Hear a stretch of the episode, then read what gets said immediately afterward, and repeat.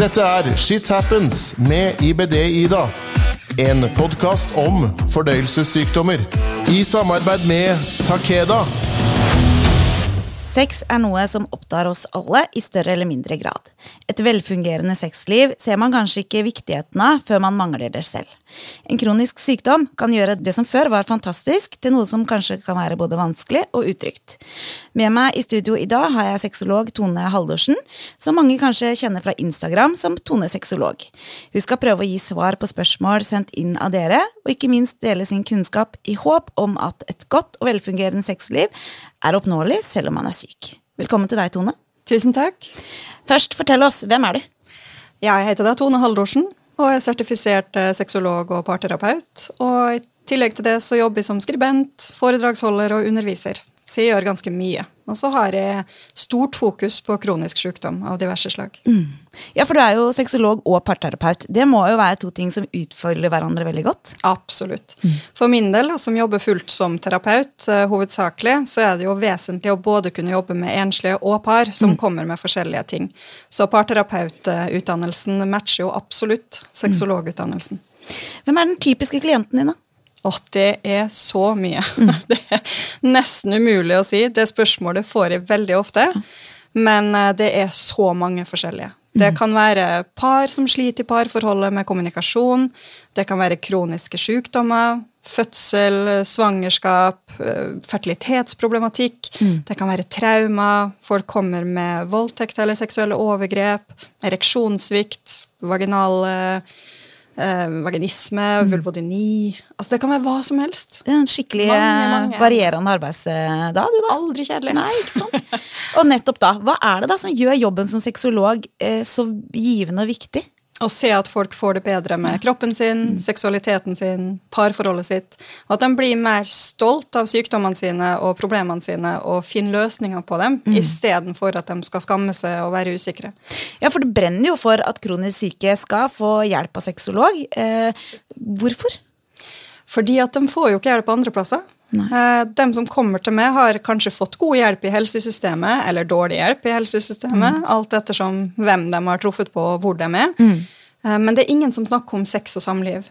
Og mm. det er jo en kjempeviktig del av livet vårt, mm. det med at sexlivet og samlivet fungerer. Mm. Og da er det så fint å kunne være en av de med kompetanse til å hjelpe dem. Å være der og se at de kan få verktøyene for å få det bedre. Mm.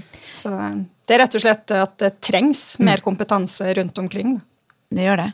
Og vi har snakka om dette her litt tidligere i dag, dette med at eh, når du får en sykdom, så er det ikke eh, det er, ikke, det er, ingen som prater om dette her med seksualitet. Eh, I hvert fall veldig få. Jeg har ikke vært borti en eneste lege eller sykepleier som har spurt hvordan det fungerer for meg. Og det er jo kjempetrist at det er sånn nå i 2023. For det er jo ingen tvil om at et godt sexliv er kjempeviktig, uavhengig om du er sammen med noen eller aleine. Jeg har jo eh, spurt eh, alle som hører på podkasten og følgere, om de har eh, spørsmål. Og det har kommet en god del. Både fra IBD-ere og pårørende, og til og med en sykepleier som har sendt inn spørsmål. Skal vi fyre løs? Kjør på. Ei spør eh, hvordan opprettholde spontanitet i et sexliv når man har en sjekkliste før man kan sette i gang. Altså, jeg er så redd for at det lukter vondt, eller at noe har sivet ut der bak uten at jeg har merka det. Så jeg klarer ikke å ha sex uten en tur på badet for en god vask. Dette er et stort problem for min partner, som mister litt av lysten. Hjelp, dame 42. Her er det jo om å gjøre å se hva kan man gjøre for å være spontan med en plan, mm. tenker jeg da. Eh, og da går det jo f.eks. an å skape spontanitet for partneren ved at man går på badet og vasker seg sjøl først, mm. og fresher seg opp og tar kanskje en dusj hvis man føler det. Og føle at man er på topp før man kanskje går inn på stua eller på soverommet og uh, legger an på partneren sin, mm. eller uh, flørter litt, eller At man har en liten sånn plan i hodet sjøl, da. Mm så er det jo litt det med kronisk sykdom at det er fryktelig vanskelig å være spontan ja. på egen hånd, mm. men man kan skape spontanitet for partner. Mm.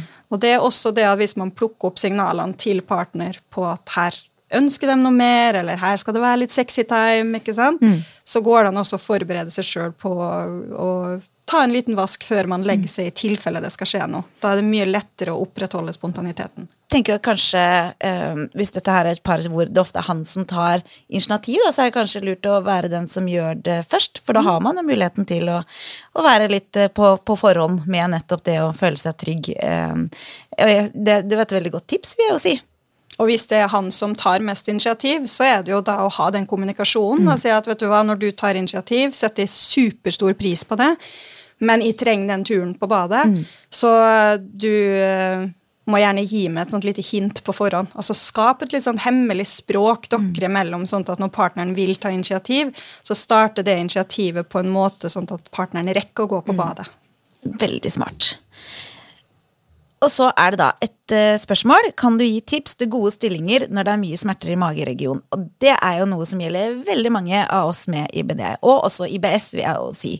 Uh, og det kan være utfordrende når man skal i eh, sengehalmen prøve å finne en stilling som kan være faktisk mulig i det hele tatt. For mange så ender jo med å gi opp. Her vil jeg faktisk henvise til NRK. Eh, NRK.no har en utrolig fin guide med sexstillinger, der du får bilder av sexstillinger. Og der kan du også hake av om du har vondt i ryggen, om du har vondt i magen, om man er jente-jente, gutt-gutt, om man er gutt og jente, om man er eldre, om man er ung. Og da kan man velge og vrake litt, og så får man opp en meny med sexstillinger der man viser med bildet hvordan de ser ut. For det er umulig for en sexolog eller fagperson å komme med anbefalinger om sexstillinger, fordi at alle er så individuelle. Så det som funker for én, funker kanskje ikke for noen andre. Så her vil jeg gå inn på NRK, eh, se litt hvilken sexstillinger som kan prøves ut, og så prøve stille og forsiktig. Gjør det til et litt sånn sexy parprosjekt og si at ok, de her, de prøver vi. Gjør noen vondt, så går de jo ut av menyen. menyen. Hvis noen da funker bedre, så sier jeg at ok, her har vi funnet noe nytt. Det går også an hvis man vil spice opp sexlivet og eh, har lyst til å bryte litt mønster. Det er jo ikke lett for en partner heller å skulle finne en, en god eh, kommunikasjon bestandig, fordi når man utsetter den du er glad i for smerter, så kan det jo være at man er usikker på om man skal fortsette, eller om man ideelt, altså man kanskje bør stoppe helt. Så det med å snakke sammen er jo kjempeviktig. Det er jo kommunikasjon under sex, og det, sånn er det jo med samtykke også. ikke sant? Man sjekker jo inn litt flere ganger om partneren har det bra, om det her funker. Med kronisk syke så er det på eh, samme måte. Ikke sant? Man sjekker inn underveis. Har du det fortsatt bra? Kjennes det her deilig for det? Er det noe du ønsker annerledes? Et tempo ok? Det er ikke sånn at man trenger å stoppe og fylle inn en sånn sjekkliste, men å bare ta en sånn sakkende tempo, se partneren inn i øynene og si at føles det fortsatt deilig for det? Så kan partneren da si at du, kanskje vi skal bytte stilling, eller ja, det føles fortsatt bra. Så det er bare den snakke sammen. Man kan også følge med på den nonverbale til partneren. Se på ansiktsuttrykk, se på munnen, blir den litt strammere? Rynke opp panna. ikke sant? Altså, Er det ansiktsuttrykk som tilsier at her er det noe smerter inne i bildet, så er det også lurt å stoppe opp og si vet du hva, jeg legger merke til at du rynker panna litt. Går det bra med det? Sånn, så det bare følge med litt. Og så har det kommet et uh, spørsmål som jeg måtte få litt hjelp til ut, utover deg også. Uh, det er da uh, Er analsex farlig for oss med IBD? Om ikke, tips til hvordan vi skal prøve å få det ut. Og da har jeg fått lege Øystein Hovde, som har vært eh, gjest eh, hos oss eh, før. Eh, og da svarer han det er vanskelig å si noe entydig om dette. Dersom det er mye proktitt, altså da betennelse i endetarm, er det ikke så greit. Men er det IBD uten noe, eller med da lite problem i rektum, så er det heller ikke noe problem. Betennelser i endetarmen kan ofte behandles på en grei måte med stikkpiller eller skum, så om du har mye betennelse, så bør du absolutt snakke med behandlende lege og få hjelp først. Men om alt er under kontrolltone, hva tenker du er gode tips for en som kanskje har lyst til å prøve, men ikke har gjort det før? Og er litt redd, da, kanskje. Om alt er på stell, og ting føles eh, normalt, i hermetegn, så kommer jeg til å gi samme råd som jeg gir alle klienter som har lyst til å prøve analsex. Det viktigste er å ta det rolig. Begynn med en lillefinger med masse glidemiddel. Litt sånn i åpninga. Legg merke til at eh, partneren slapper av. Så man kjenner at den ytterste ringmuskelen slipper litt taket. Da. Og så får man lillefingeren inn i åpninga, og så kan man bare holde den rolig der. Hvis det føles deilig og det føles greit, kan man begynne med en litt større finger. Og igjen, masse glidemiddel. Helt rolig. Korte negler. For all del, fil neglene. Ja, det er god, Man vil god, ikke tips. ha noen rifter av sånn. Og så kan man jo kjøpe noen uh, analplugger, for eksempel, eller man kan kjøpe analkuler, og prøve litt sånn stille og rolig. Og så kan man prøve med penis uh, eller en, uh, en annen ting, hvis man føler det er en dildo, eller et eller annet man har lyst til å prøve. Og så ta det helt stille og rolig. Og det er superviktig at når man har analsex, så enten bytte kondom mellom vaginalsex og analsex, eller analsex og oralsex, eller å gå og vaske mellom. Så man må aldri gå fra anal til vaginal eller oral. Det er superviktig for å unngå infeksjon og magekatarr og oppkastsjuke. tenker at det er et kjempeviktig tips. Ja. Så vær forsiktig. Renslighet er veldig bra. De som er usikre på om det er noe i endetarmen, eller om det er noe bæsj igjen, eller noe avføring og sånne type ting, så kan man jo ta en eh, dusj med en sånn analdusj. Men det skal ikke være nødvendig med normal avføring. Da er endetarmen tømt, og den er ren og fin. Så man kan jo gå på do først hvis det føles riktig, men som regel pleier det å gå bra. Jeg syns det var et kjempegodt tips, jeg. Ja. og jeg tenker at fikk, eller han eller hun, jeg er litt usikker, eh, fikk i hvert fall tips både fra lege og fra en sexolog. Og så er det en som skriver da Føler vi, og så sam, vært sammen med dama i fem år, har kommet inn i et mønster der alt har gått på, går på vane. Lite lekenhet og lite glede. Tips til hvordan jeg kan sette i gang lysten hos begge. Jeg er mye syk, eh, noe som jeg tror legger lokk på henne også. Her er det å utforske sin egen seksualitet, partnerens seksualitet, bli kjent på nytt. Det jeg hørte her som et nøkkelord, det er fem år sammen. Da har man kommet over nyforelskelsen, man er etablert, man har kommet inn i en rutine, man har kanskje prøvd mye, og så funker det ikke lenger, og sånn. Og det er viktig å huske at seksualitet er flytende, så man forandrer seg gjennom hele livet. Så på de fem åra så har dere begge endra dere på mange måter. Og særlig når det er sykdom inne i bildet, så er jo ikke sykdom konstant. Det er jo gode dager, dårlige dager, gode perioder, gode mm, år kanskje, gode uker, alt ettersom.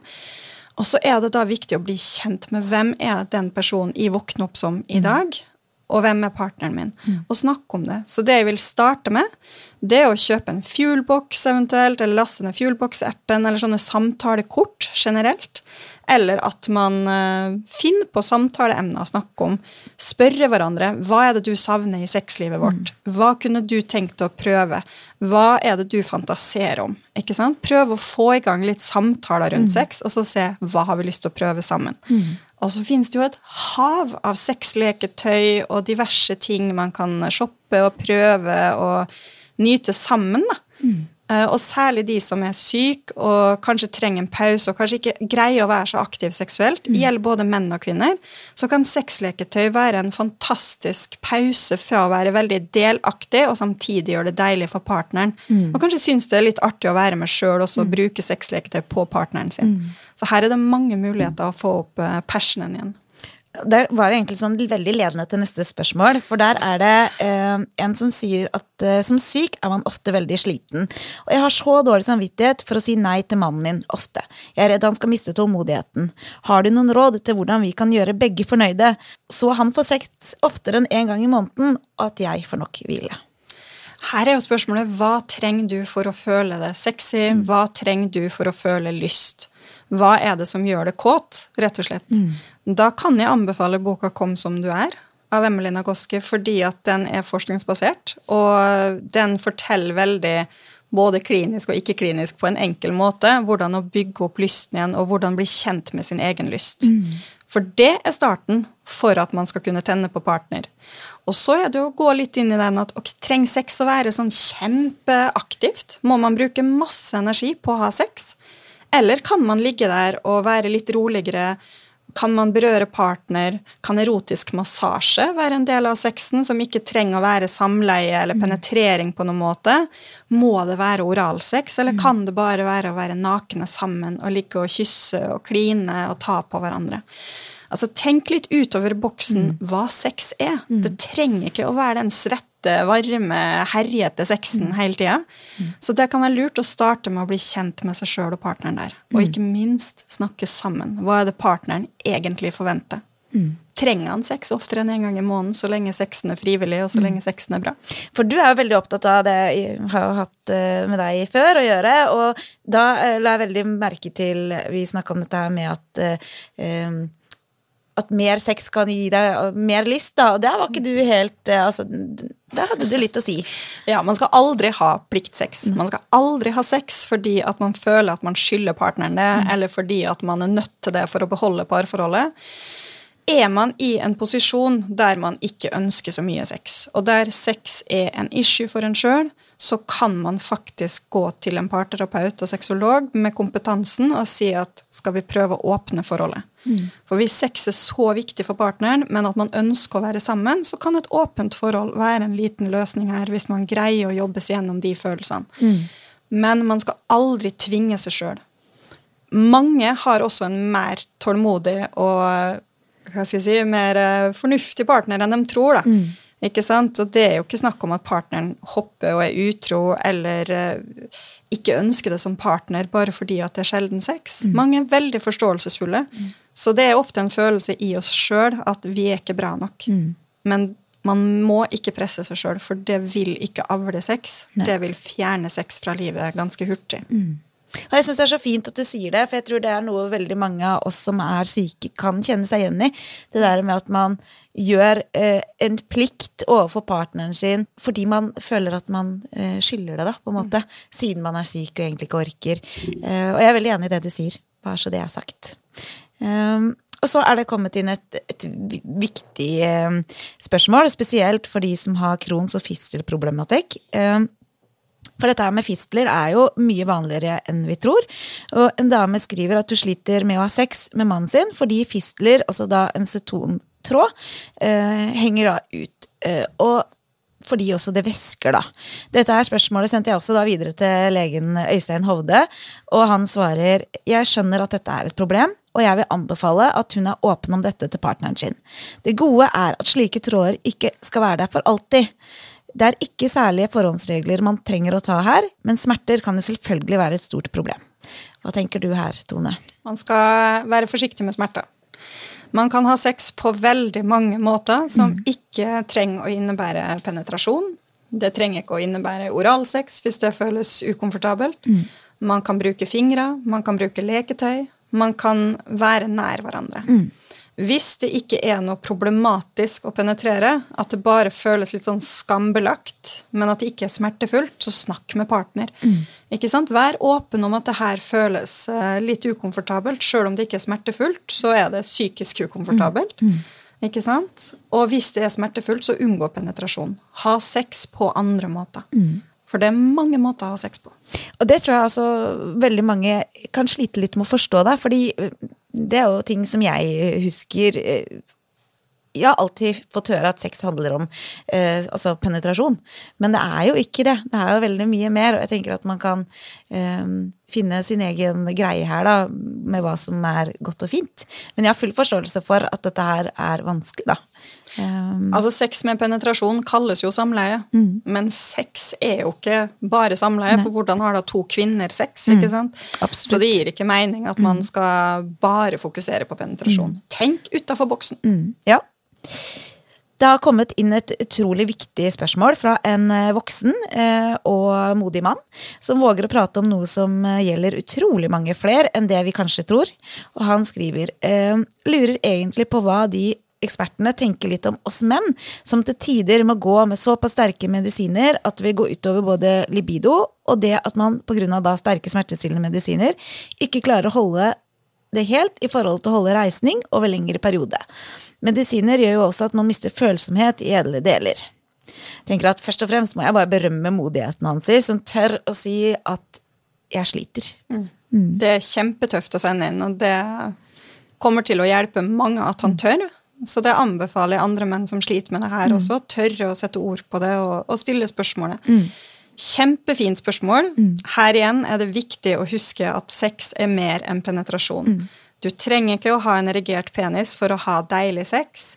Det med følsomheten i eh, kjønnsorgan det kan man dessverre ikke gjøre så mye med når det gjelder medisiner.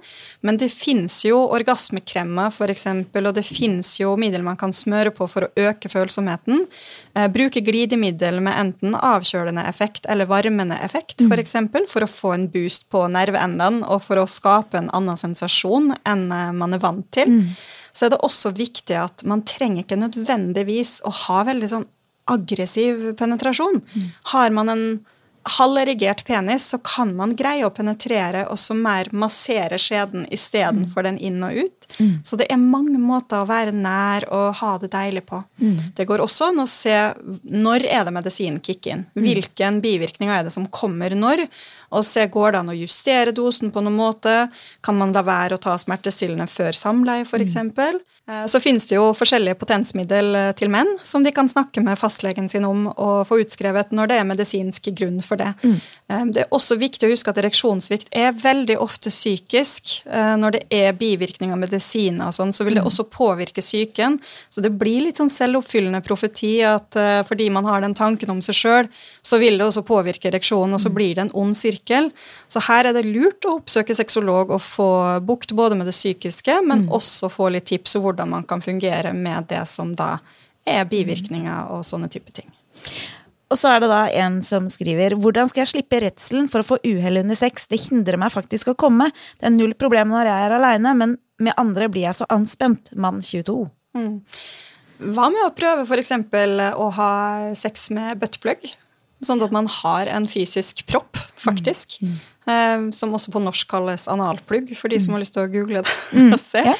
Ikke sant? Og de finnes jo i alle størrelser, så man kan ha bare en helt mikroliten en. Mm. Det viktigste er at det er en stopper på, så den ikke forsvinner opp. Det er meget viktig. Men å prøve sånne type ting, og så er det jo viktig å snakke sammen. Mm. Og det er så viktig å kunne slappe av og nyte hverandre og si at ok, skjer det et uhell, Shit happens. Mm. Ikke sant? Ja. Det skjer. Mm. Og så kan man ha våtservietter ved siden av senga på nattbordet og kunne tørke fort bort. Mm. Kaste det ned i en søppelbøtte, og så kunne le litt av det. Ja. Det er viktig å kunne slappe av, smile, le, ta ting med et smil. Mm. Hvis partner syns det er ekkelt, så er det jo partner som har litt å mm. jobbe med seg sjøl. Mm. Man må ikke ta alt på egne skuldre for ting man ikke kan noe for. Et godt tips. Hva tror du er det største utfordringen da, til en kroniker i forhold til sex? Er jo som regel så er det jo smerter og utmattenhet. Mm. Og da er det viktig å kunne snakke både med fastlege og med sexolog om hva gjør man for å opprettholde sexlivet. Mm.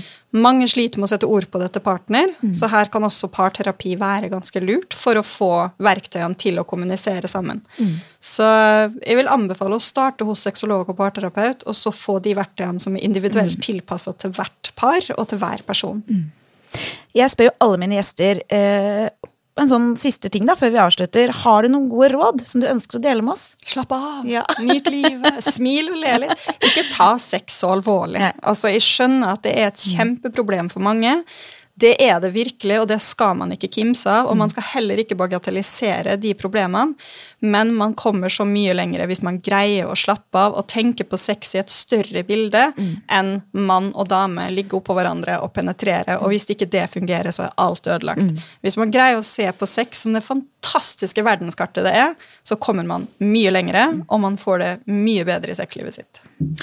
Jeg må jo si at jeg utrolig imponert over hvor modige disse som har sendt inn spørsmålet, har vært. Deres modighet hjelper jo mange flere, eh, det er jo helt sikkert.